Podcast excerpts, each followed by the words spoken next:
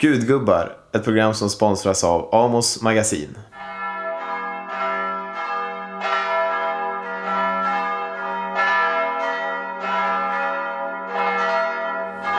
Välkommen till eh, vårt, jag vet inte vilket avsnitt det är i ordningen. Nej, det börjar samla på sig ordentligt, men här är, eh, det blir i alla fall mer religiös radio, eller vi ska inte kalla det religiös radio, men radio om religion. Med mig, Andreas Ekström och... Eh, Emanuel Karlsten heter jag. Var sitter vi idag? Vi sitter i ett kök. Det gör vi. Vi sitter eh, hemma hos Lena Andersson, en av eh, Sveriges mest kända ateister. Man måste nästan kalla det det, Lena. ja, det är svårt för mig att avgöra om jag är känd eller inte, men känd, ateist i alla fall. Ja, och känd blev du ju inte minst. Eh, du skrivit ett flertal böcker, förekommande kolumnist i Dagens Nyheter. Eh, men sen så gjorde du också ett sommarprogram. Du var mm. sommarvärd 2005 och talade i detta program om Jesus. Och då tog det, om uttrycket tillåts i sammanhanget, hus i helvete. Vad var det du sa då egentligen? Ja, det var en gammal idé jag hade haft att jag eh, ville, som jag faktiskt hade skrivit om tidigare en gång i ett kortformat i Situation Stockholm. Eh, som jag, men som jag hade tänkt på sen gymnasiet. Att eh, liksom, eh, som göra en slags eh, litterär analys av evangelierna och eh, undersöka och påvisa då hur Jesus, att det inte stämmer hur vi slentrianmässigt talar om honom som eh, alltid snäll och god och vänlig och, och mild och ömsint och tålmodig. För på något sätt har man ju den bilden sådär. Det är den gängse bilden i samhället och även, eh, jag tycker nog både i Svenska kyrkan och i, bland icke-troende, men som, eller sådana som är likgiltiga för religion men är intresserade av det som kulturellt fenomen. Varför blev folk så arga då? Um, jo, därför att jag då vis, visade med citat att uh, visserligen tendentiösa citat, men det är ju även predikningarna om Jesus. De är också tendentiösa, valda för att framställa honom på ett visst sätt. Så jag valde att framställa honom på ett annat sätt eh, med citat ur Bibeln. Och eh, då visade jag liksom att han är snarstucken och, och för mig är det här en litterär text då. Alltså den här Jesus är en litterär figur i en text. Så, så närmade jag mig ämnet. Att han är snarstucken och eh, otålig och irriterad och står över, står över de andra och Eh, godtycklig och nyckfull och hugger och, på deras... Alltså han är svår att veta, svår att förutse hur man, hur man ska reagera. Han blir arg och sådär. Jag, jag lyssnade faktiskt, eh, jag hade, jag hade inte hört det innan jag lyssnade på vägen hit, eh, sommarpratet. Däremot så, och det är väldigt enkelt att hitta reaktioner på, på både det och, och dig, inte minst från, från kristna led. Eh, om man googlar och, eller man söker på Dagen till exempel, på, på tidningen Dagens sajt så hittar man ju flera artiklar som handlar upprört om, om hur du eh, framställde eh, Jesus. Och så. Varför, var det, varför kändes det viktigt eller varför kändes det intressant att göra det? Ja, det var väl just att det, var, det här var en sån här kollektiv eh, uppfattning och kollektiv myt som jag upplevde det. Och de är jag alltid intresserad av om, de, om jag känner att de inte stämmer. Mm. Eh, eller att de är slappt traderade bara hela tiden. Att vi, man bara inte undersöker utan bara fortsätter säga. Så därför var det intressant också för att, också för att kristendomen är ju en stor eh, aktör i, ändå i världen och i kulturlivet på något sätt. Den finns ju där hela tiden som en bakgrundsbrus. Vad får man för reaktioner när man, när man gör en sån sak eller överhuvudtaget, tycker du? Du fick väl mycket brev också? Ja, jag fick jättemycket reaktioner och brev och vilket överraskade mig. Jag visste nog inte att Sverige var så pass eh, kristet ändå. Jag hade inte, alltså, så troende kristet. Men man kanske också kan uppfatta en, en, en traditionell kristendom, det vill säga att tron kanske inte är stark, men man har en känsla av samhörighet och tillhörighet med någon typ av kristet kulturarv som gör att man kanske kunde ha reagerat på ditt program. Det kanske inte var ja. bara benhårt troende som reagerade? Nej, det tror jag stämmer. Så var det nog. Mm. Uh, Ja, alltså så kan man ju reagera. Det är ju ingen konstigt att man, fel att man reagerar. Man kan ju tycka att det här är väl oförskämt eller att det är onödigt eller man kan, bli, man kan ju känna vanmakt över att någon, att man blir irriterad på att någon får plats och säga sådana här saker. Mm. Det finns, jag har inte så svårt att förstå att man blir irriterad på radioprogram eller artiklar. Ta, ta upp något exempel för lyssnarna som inte har sett det. Kan man, kan man plocka något exempel från det du... Det, det behöver inte vara det sommarpratet, utan det kan vara generellt sett. Om Jesus, som ja. han säger. Ja, men det är ju de här eh, kända exemplen, till exempel som att eh, den som inte lämnar sin far och sin mor. Nu, nu citerar jag inte exakt här, utan bara min. Eh, och, och för att följa mig, han är inte värdig, han är inte värdig att vara med mig eller gå, komma till Gud. Alltså ganska hårda utsagor då om eh, hur människor, i, i människors dilemman då, om de ska vara snälla mot sin familj eller, eller om de ska, bry, om de ska vara, bry sig om dem. Det är ju också en moral liksom, som framförallt kristna då har faktiskt talat mycket om. Så att jag visade väl på såna här dubbel... Det är ju det där Dubbelmoral, som, som men- Gud tar till, till eh, yttersta ytterlighet när han ber att Abraham ska gå upp på berget för att offra sin son. Det är Ja, liksom ja, det extrema exemplet, att Ja. du ska välja mellan mig och, mig och det mänskliga. Och sådär. Ja, just, just det. Precis. Och sådana saker tog jag fram och också att han eh, blir så irriterad på lärjungarna på ett sätt. Alltså jag, tycker, jag tycker att Jesus är ganska auktoritär i den här texten. Alltså han blir väldigt irriterad om de ställer frågor. Eh, och, och liksom säger så här, far ut sådär att nej, åh, när ska jag bli av med det här, den här enfalden ungefär så. Eh, och, och, och, och för mig är det, alltså, jag, jag jämför honom med en, alltså en auktoritär ledare till exempel för ett företag eller så. Eh, som, där man, management by fear, där man blir, aldrig vågar för man vet inte vad, som, vad man får för reaktioner. Men om tidningen Chef har gjort någon chefsanalys på Jesus? De gör ju det varje, varje nummer. De analyserar en offentlig Ja, persons jag- chefsegenskaper. Så det vore intressant. Ja, jag tror att de har skrivit något om det här. Jag för mig att det var chef, men det kan ha varit någon annan. Men om vi ska eh, tala lite grann om det som vi kanske tänkte skulle vara eh, dagens tema så skulle vi väl förenklat kunna kalla det eh, för kristendom för ateister. Emanuel har ju en eh, gedigen tro. Eh, Jag saknar den, du saknar den. Men vi som inte är gudstroende kan ju ändå titta på den här texten som litterär text. Vi kan titta på den som historiskt dokument om vi vill. Och vi kan i varje fall konstatera att dess inflytande över världen över lång tid har varit exempellöst egentligen. Ehm, Och då är vår fråga, eller vårt tema för det här programmet, kan vi som ateister extrapolera någonting ur Bibeln för att leva ett gott liv på vårt sätt? Kan vi se bruksvärden i denna Bibel, även om vi inte i teologisk mening eh, tror att den har någon relevans? Ja, kanske inte så mycket för att leva ett gott liv. För det tycker jag det finns så mycket motsägande saker i den. Eh, även om bergspredikan är ju en bra grundregel sådär. Men den, den finns ju i många eh, läror och så. Och, och det här, den här grundregeln också att man ska handla mot andra som man vill bli behandlad själv. Så de här moralreglerna, det, de är ju, är ju inte dåliga alls. Men jag tycker nog att det är mer givande och intressant. Bibeln är mer, särskilt Nya Testamentet kanske. Som, det finns mycket insikt om människans psyke där i tycker jag. Om, om eh, hur, att det är svårt att leva och olika ganska konkreta situationer som de har fångat. Som vi har svårt att förstå hur vi ska som, vi, som, som, som återkommer i våra liv hela tiden och det är väl därför texterna har levt vidare för att de är så allmängiltiga på många sätt. Och dessutom erbjuder en, en slags bild, alltså en emblematisk bild för en situation. Liksom den här, den förlorade sonen, eh, den, eh, arbetarna i vingården, att, att gräva ner sin, sitt mynt i jorden eller att förvalta det. Allt det här kan vi hela tiden använda och se att det finns i vår tid och så kan man då läsa Bibeln om man vill för att se för mig då blir det att se ja, människorna är sig lika. Och jag vet inte om jag tycker att jag får någon vägledning hur man ska förhålla sig till problemen för det är ju, det är ju det kan man ju diskutera hur man ska se på det. Det är ju moraliska eh, skolor man kan inta och så får man argumentera för dem. Jag tycker kanske att, jag menar, kristendomen argumenterar ju utifrån sin, sitt mål som, som ju är att nå tron och Gud och frälsningen och så. Paradiset.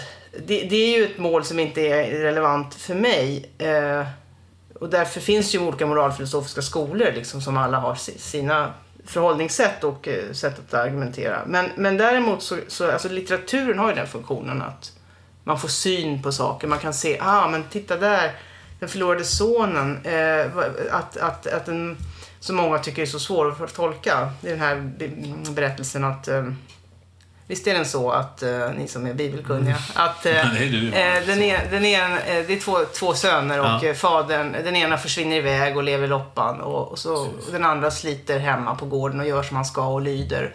Och så kommer den andra sonen hem som har levt, i, Och levt det livet. fest. ja. Och så blir det fest och han ska hyllas på något sätt.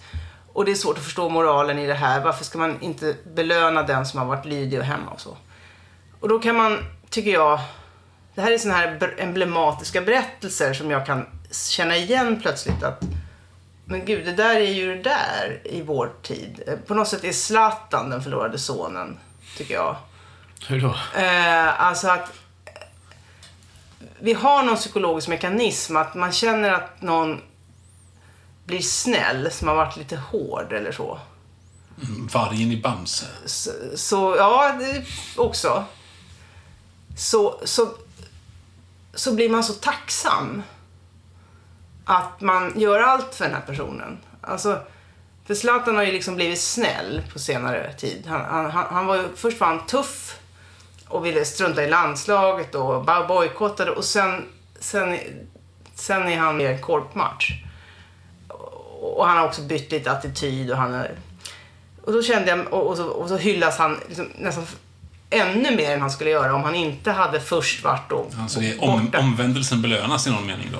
Just det, men man belönar någon slags eh, hårdhet på det. Det blir ju att man egentligen belönar den här strukturen. Eh, men det är någonting med vår psykologi som gör det här och det fångar man i den där bilden. Och det är många sådana, tycker jag, emblematiska bilder eller scener eller sådär som, som händelser som man kan känna igen att Jag tänker mest på, på, på, det var för att jag är branschskadad, men på, på, på Dagens Nyheter och på, på prenumeranter. Att den som är kvar i ett år efter år, 20 min farmor har till exempel prenumererat i 50 år. Men sen som jag kommer som ny prenumerant och jublar på prenumeranter. Just det, så får du rabatt. Ja, ja, det är Medan farmor får sponsra din Man rabatt. får sponsra in i alla år. Också analogt. Eh, man, man straffar de som man ändå kan räkna med.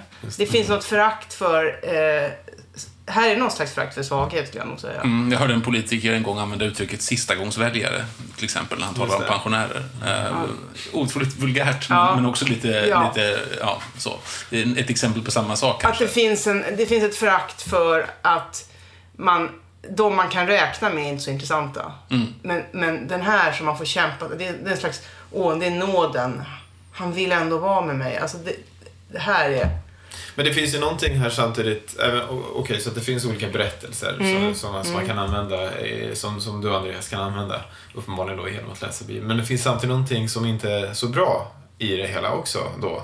Vad är det som gör att det slår över? Vad är det som gör att det inte bara blir en god bok där man kan plocka berättelser som är sedelärande eller är... Ja, precis. Eh, ja, jag brukar, när jag har då debatterat eller liksom, jag, jag brukar ändå säga så här att mm, alltså målet är inte att den här boken inte ska läsas eller att eh, vi inte ska beakta inflytandet eller så här, titta på det och förhålla oss till det. Felet för mig är att det inte behandlas som myter. Eh, Alltså jag skulle vilja att vi liksom blev överens om huruvida, alltså, eller rättare sagt i debatten också måste man vara överens om ifall det är en myt man talar om eller om det är, eller om den här boken har något mer också. Att den har, berättar. För hos de många troende anses den ju ändå inte bara vara en litterär berättelse utan den berättar också någonting enormt stort och om verkligheten utanför boken. Ja, för det är ett problem. Ehm, Ja. Man kan ju inte förhålla sig till texten som text då. Alltså då, laddar man, då, då blir, får den en sån särställning som gör att du kan inte använda jämförande textanalys på det sättet som all litteraturvetenskap egentligen vill göra. Det vill säga, du lägger texter bredvid varandra och så ser du i vilken tradition verkar den här texten, Ja, varför, ja. hur kan man anse, hur ska man anse att det här är menat om man jämför med detta? Men om du lägger till en helt enorm existentiell Ja, dimension på det ena verket, Eller så en materiell dimension Eller en materiell dimension, så blir det omöjligt att jämföra dem. Eh, och då blir det också svårare att förstå dem. Fast, men det är ju, alltså man kan väl använda samma analysverktyg. Det är väl alltså att jämställa... Att, att för, för troende har en annan betydelse innebär väl inte att du kan använda ett, ett analysverktyg eh, för, för, för liksom själva texten. Nej, en Så icke-troende som du har kan, gjort, kan, en kan i bästa fall göra det om, om vederbörande kan frigöra sig från de Men, här ja, men föreställningarna. jag kan göra det. Problemet tycker jag är att folk sen tänker att ja, men det står i Bibeln, alltså ska jag göra så. Eller alltså är det så. För det är ju inget som säger det. Eh, bara för att det är en bok eh, som har haft inflytande. Och, och, och det är det som du menar då när du tar upp de här exemplen som i sommarpratet till exempel. Att det, det är då det blir ett problem när man tolkar, eh, tol, tolkar som en lagbok som man måste följa. Um, ja, ja, det tycker jag alltid är problem om man, om man har en bok som är, alltså så fort man har en sanning som ligger där och det här, nu behöver vi aldrig mer fundera över om det här stämmer eller inte. Alltså jag menar, det är ju massor med kristna som håller på och tolkar och vet att det, det, det är ju helt, helt uppenbart så. Men, men samtidigt finns det här att, jo men Jesus är inte bara en figur i den här boken. Han är också i då verkligheten, så att säga, nedkommen från, som Guds son. Eh, och eh, hans ord är gudomliga. Det, det är ju den här fastslagna dogmen med och alla dogmer som följer på den som är, som är problemet för mig.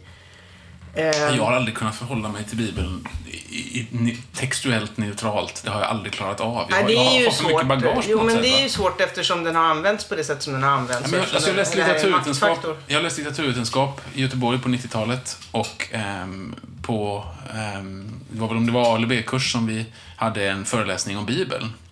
Det var en föreläsning på tre timmar och jag frågade efteråt kursansvariga här, på, är detta det sammanlagda studiet av Bibeln Mm. i, på ett års litteraturvetenskap? Så, ja, det är det. Och liksom, Okej, det, var, det var förvånansvärt lite med tanke på vad det är för sorts bok. Och då Mm. hjälpte han mig att se det här att ja, men om det hade varit en religionskurs eller en historisk kurs så hade du haft fått ett annat svar. Men nu är det en litterär kurs Mm. Ja. och då är det lagom med en tre Ja, ja. timmars om man tittar på världslitteraturen utspridd på ett år. va? Det var lite ögonöppnande för mig som 20-årig litteraturstudent. Att, att liksom placera den på en så pass då eh, re- relativiserad nivå helt enkelt. va? Och, och, och med det menar du att det blir ett problem utifrån ett... Ja, men jag, jag kan bara konstatera att jag kan ha varit mm, cementerad ateist sedan jag var ett litet barn och ändå så har jag ju med mig vetskapen om den här bokens oerhört speciella plats, vilket gjorde att jag också med automatik, innan jag hade läst så mycket ens i den, förutsatte också ett högt textuellt och litterärt värde. Ja, men framförallt är det väl så att många de, alltså, troende i, i gemen betraktar den väl som ett historiskt dokument och inte som litteratur. Eh, alltså det, det som står där var vad som hände. Eh, det vill säga Jesus eh, är, är Gud och Guds son samtidigt i en absurd kombination. Ehm, Vad är problemet i det? Problemet med att, men ja, problemet är att det får följder moraliskt. Tror jag. jag vet, alltså det, det är ju inte riktigt säkert i och för sig att det beror på det här att vi har så mycket eh, bedrövlig moral i, i världen eh, som hänför sig till, man hänvisar till Gud eller Guds ord eller sådär. Det är möjligt att, det är möjligt att de skulle hem, hitta, hitta skäl för den brutala moralen ändå. Till exempel att eh, låta människor eh, dö fast man kan göra abort. Eh, dö, eh, alltså det här helt irrationella eh, eh sätt att förhålla sig till, till vissa händelser och moral. Därför att det står i en bok, därför att man anser att Gud vill ha det så här. Men jag tror överhuvudtaget att lä- läror som, som, som är helt, relativt heltäckande är problematiska. Alltså de är totalitära för oss. Vi, vi öppnar oss inte då för andra sätt att, för, för kritiskt tänkande. Men där har du ju inne på lite grann vad vi också eh, talar om nu. Det vill säga, vi kan ju unna oss lyxen, vi ateister, att titta på den här som en Aladdin-ask. Vi kan ju plocka ut de praliner Ja, vi önskar. ja. eh, Och gå ifrån det, den totalitära läsningen av boken, så att säga. Vi, vi kan ju göra det här. Vi kan titta Mm. på, du nämnde Bergspredikan som en, som en bra text i Mm. Bibeln. Eh, Och det finns ju andra saker. Vackert språk, vackra Mm. sånger, lärdomar, arkitektur, konst. Det finns ju otroligt mycket som är starkt kopplat till den kristna traditionen som jag som ateist känner mig väldigt bekväm med att begagna i mitt liv, så att säga. Ehm, och, och, det, och vi pratade, när vi, när vi pratade inför programmet, du och jag, så, så pratade vi lite grann om, om detta med ehm, det, det är lite speciell den här sit- situationen kanske för dig som riksateist, att, att få uppdraget att eh, hitta ehm, försonande drag hos Jesus, eller försonande drag i den bibel som du har svårt att, eh, tycka om annars. Nej, men jag, eh, det har jag nog ibland påpekat sådär att eh, jag brukar, alltså jag tycker om text överhuvudtaget liksom. Jag tycker det är intressant med texter. Eh, utan det är hur, hur konsekvenserna blir av att man förhåller sig till det, till det som en historisk sanning och att det blir dogmer och att man inte är... Alltså jag beklagar att det, att det är så att människor är rädda för en straffande gud till exempel. Därför att det är onödigt. Ehm, eh, det, det, det är ju hemskt om att vissa lever i en sån fruktan. Då måste man påtala att det finns ett alternativ. Du kan också tä- tä- tänka bort den här figuren, även om det är väldigt svårt. Så måste det sägas av någon eh, och av många. Uppfattar du att din syn på eh, Eh, det här möjliga sättet att läsa texten eh, vinner mark eller förlorar mark i världen idag? Ehm, ja, det är lite svårt att avgöra. Jag tror att på, på, sätt, på ett plan i det stora hela vinner det mark. Men, men i Sverige skulle jag säga att det är mer... Alltså min hållning är eh, på något sätt mer kritiserad än att vara varmt kristen, om vi säger så. Varför det? Nej men det, det, den anses, alltså det anses ju vara en kall och, och hård inställning och oförsonlighet. Och, alltså I debatten ser det ut så tycker jag att man... man, man eh, eh, det är möjligt att jag har selektiv varseblivning där men... men eh, Men är det, är det så att den är oförsonlig då? Skulle du kategorisera eh, dig själv, din egen syn på Bibeln som... Nej, inte på Bibeln, på men på, på, på religion. eh, Nej, inte, nej, oförsonlig. Jag vet inte vad det riktigt betyder, men i det här fallet. Alltså jag, jag applicerar kritiska rationella verktyg eh, som jag gör med annat. Jag liksom granskar det sakligt, så, där, så sakligt jag kan. Eh, och det, det, just när det gäller religion så låter det mer kritiskt än det gör, för att vi är så vana vid att man betraktar det här som något lite heligt och privat och det får var och en göra som man vill med och det får de för det är en rättighet. Men, men om man betraktar det som en slags politisk, som ideologikritik till exempel så har vi mycket större tolerans för politisk ideologikritik då, alltså politiska ideologier, uppenbara sådana. Liberalism eller socialism. Så där, där är det ju sällan någon som känner så här att nu känner jag mig kränkt i min känsla. Ja, men det, precis, det har vi talat om i tidigare program också, att det finns någonting där med när man har erfarenheten, eller anser sig ha erfarenhet av att ha upplevt Guds kraft, så är det en så stark emotionell erfarenhet som då ska viktas mot kanske snarare en intellektuell erfarenhet eller intellektuell åsikt. Ja. Då uppstår det en, det är en inbyggd obalans redan från början i en sån diskussion. Ja, precis. Det är, och, och, den som står för förnuftet anses alltid vara ky- kyligare då. Eh, för, att, för att man har att göra med emotionella... Det gäller inte alla... Man har att göra med emotionella frågor här. Eh, det gäller inte alla... Liksom, inget av det här gäller alla kristna naturligtvis, eller alla troende religiösa människor. För att det, jag menar, det finns ju stenhårda jesuiter som är helt och hållet i, intellektuella i stort sett i sin, sitt förhållningssätt. Eh, inte blandar in känslor eller så, så mycket.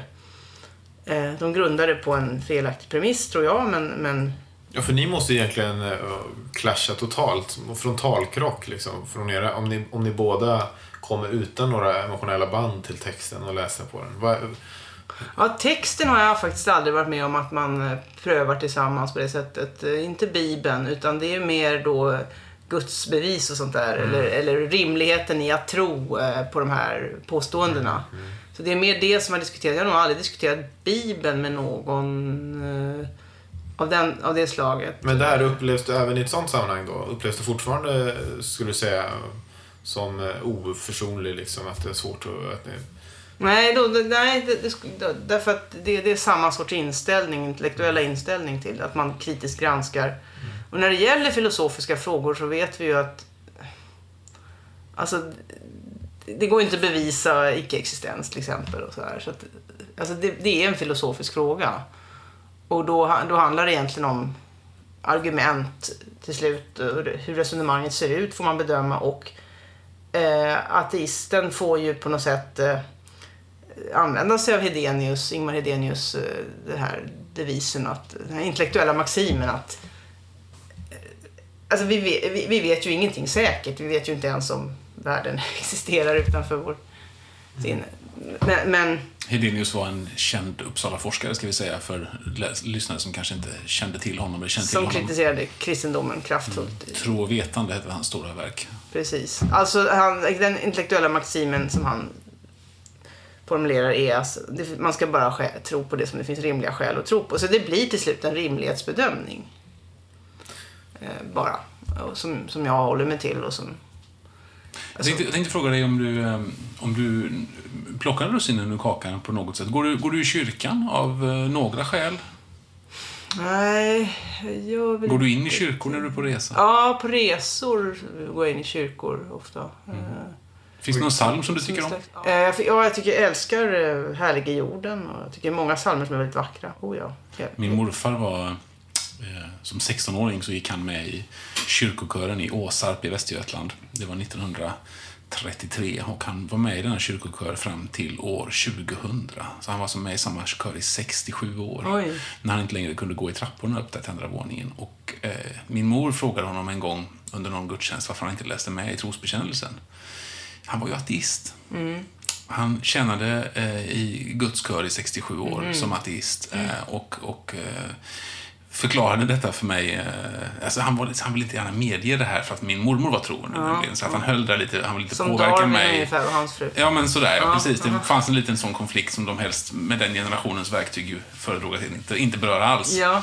Eh, men det var, så det var väl först på väldigt sena år då som vi kunde liksom lite grann, eh, prata om det där. Och, och morfar rättfärdigade det helt enkelt med kärleken till musiken bara. Mm. Att han tyckte att det där var ändå en, en, en plats där han, eh, även om han inte kunde tro på Gud, så kunde han få glädje av eh, kärleksbudskapet, han kunde få glädje av gemenskapen som uttrycks Mm. i församlingen, han kunde få, och, och naturligtvis då av, av den själva utövande konsten och sådär. Ja, det, det förstår jag. Alltså jag går inte, jag, jag går inte, inte i kyrkan av, av protest eller så. Utan skulle jag vilja det så skulle jag göra det. Men jag tror inte jag skulle få ut så mycket av det. Då skulle jag, då skulle jag göra det som ett studium i så fall. Och det är det jag har gjort när jag har varit utomlands ibland. Så har jag lyssnat på någon mässa sådär.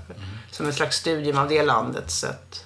Men, men din, din var det morfar? Morfar, ja. Mm. Eh, han sjöng ändå med i, i texterna? Ja, det gjorde han ju. Han var andra bas. Det var det som var grejen, att sjunga i kören. Så Ja. det, det gjorde han ju, så att säga, för musikens skull. Då. Men, men trosbekännelsen läste han inte. Ja, just det. För att, okej, för att det var svårt annars så sjöng jag. Han kunde inte bara humma. Han kunde inte bara humma, nej. Men det här säger kanske någonting om att, eh, som är det som är religionens eh, kraft och kristendomens eh, stora framgångssaga. Alltså att man har lyckats, organisera, lyckats identifiera människors behov på olika plan. Och, och skapa former för det. Som, det, det här kanske säger mer om att det saknas körsång för, för sådana som han och sånger att sjunga i kör. Att han måste gå hit om han ska få sjunga i kör. Det är ju någon erfarenhet som jag och min fru också har eh, funderat mycket på. Vi har gift oss borgerligt, men vi ville ha en stor fest. Det fick vi uppfinna själva. Vi har eh, satt tre barn till världen som vi ville fira att de hade kommit. Det fick vi också uppfinna själva. Eh, och det är väldigt, väldigt svårt att ta sig förbi, eh, just sagt med barnvälkomnande. Det blir så vansinnigt liksom eh, flower power batikflummigt, alla alternativ som erbjuds om man googlar lite. Va? Alltså det gäller, om ni bara vill göra någonting som är stillsamt och tämligen värdigt och för all del ganska likt ett barndop minus det religiösa inslaget så får du faktiskt uppfinna det själv. Vi, vi lider en liten brist på sekulära ritu- ritualer, det är vad jag far efter och då kanske det finns en poäng med att våga låna. Ja, det kan man göra eller också kan man försöka acceptera att man får hitta på det själv. Men det blir jobbigare. Det är därför traditionen är bekvämt. För att då vet man hur man ska göra. Det. Vi människor är ju härm, härmdjur. Så att eh, vi härmar. Jaha, det är också där man gör. Okej. Mm. Eh, för att det är för jobbigt att uppfinna allting. Så kommer några kanske göra det eh, och då kanske kommer uppstå några. Men om de inte är tilltalande så kommer de att försvinna. Så att det är någonting tilltalande. Man har hittat någonting i den mänskliga naturen eller om det nu finns en sån. Någonting åtminstone som tycks vara väldigt utbrett och som slår an någonting. Jag tror inte bara det är för att det är, för att det är traderat som det slår an. Det kan också vara att det hittar någon sträng där i psyket. En bok får inte den platsen utan att ha en del skickliga skribenter. Ja, dels boken men också, också de, här, eh, de här formerna man har för att eh, hitta de här punkterna i livet som människor... Alltså jag tror både konstruktion, det är en viss mått av konstruktion i det absolut, men det, det nuddar någon, någon stråk i psyket som tydligen behöver tillfredsställas. Alltså. Livet är. Kanske, det här är svårt att veta men det, det, jag tror att om vi nollställde allting så skulle det snart uppstå traditioner och hur man gör. Hur ska vi göra med det här? Det är en längtan efter både sam, dels samvaro med andra människor men också bara för att Ordning. Ja, hålla tag i var, varför har vi veckor, Ja, månader ja och hålla år? tag i saker. Men, men och det där är intressant för att du pratade ju någon gång om, om att eh, du, du, du idag var så trygg i din eh, ateistiska tro. Att, du- att du skulle kunna eh, genomgå en slags, eh, ska man säga, kristen eh, ritual i form av eh, äktenskap. Och, Jag skulle kanske det idag möjligen, men eh, jag tror att det hade varit i varje fall, det var otänkbart för mig när jag gifte mig och tack och lov så ville ju min fru inte heller ha en, en kristet bröllop. Och idag hade jag träffat, liksom teoretiskt gift om mig med en troende person, vilket i sig kanske inte hade varit jättesannolikt. Hade jag kunnat, jag vet inte, men jag har en god vän som ju uttryckte sig så med, med kraftfull smek. Eh, Han sa att men jag är så trygg i min ateism så att jag har inget problem att låta döpa mina barn av så att säga, traditionella skäl. Så, så det, det valde han att göra. Och så. Men, men nej, barndop, det kan jag säga att det skulle jag eh, aldrig göra. Eh, Nej, för det är ju att uppgå i kyrkan Ja, faktiskt. ja, Så att nej, nej, är det- det är ju- helt otänkbart för mig. Det är Det- inte det bara, jag aldrig då tror jag han misstar sig på vad, lättheten i den. Det är inte något lätt. Alltså det är ingen liten sak. Det är inte bara stänka vatten. Det är faktiskt uppgående i kyrkan. Även om detta är bara föreställningar så är det ju det man gör Mm, då, enligt kyrkan. Och då är man medlem. Ja, just det. Du menar själva medlemskapet där. Men Ja. om, man, man... Ja, just det. För det går inte att ha ett dop utan att vara medlem kanske? Eller? Jo, Nej. det gör det i och för sig. Om det inte är i Svenska kyrkan. Då kan man väl... Eh, man kan ju ha själva ritualen eh, i, eh, i en frikyrka väl? Ja, Ja, det måste man ju kunna förstås. Eh, Det måste man ju kunna utan att bli medlem. Men då blir man ju medlem i... Det är ju en tankekonstruktion, men man blir medlem i ändå... Enligt de som gör det blir man upptagen i Guds. Men skulle det vara ett problem? Samma sätt som du tänker att du, du besöker, besöker, besöker, besöker kyrkan när du är utomlands, går in där och tar del av det som i studiesyfte. Mm, Du kanske sjunger med i sångerna, och vad vet jag, du kanske böjer huvudet när det är en bön Mm, och vad som helst. Skulle det kunna vara, apropå på det man kan låna eh, från kristendom eller så, skulle det kunna vara en möjlig sak för, för någon av er att, att göra då?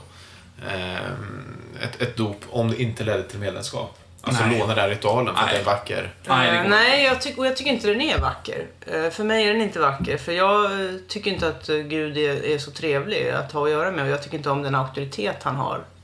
Jag har ju också... Jag så har jag skulle inte vilja ha, om jag hade ett barn så skulle jag inte vilja att den fick den här underkastelsen från födseln.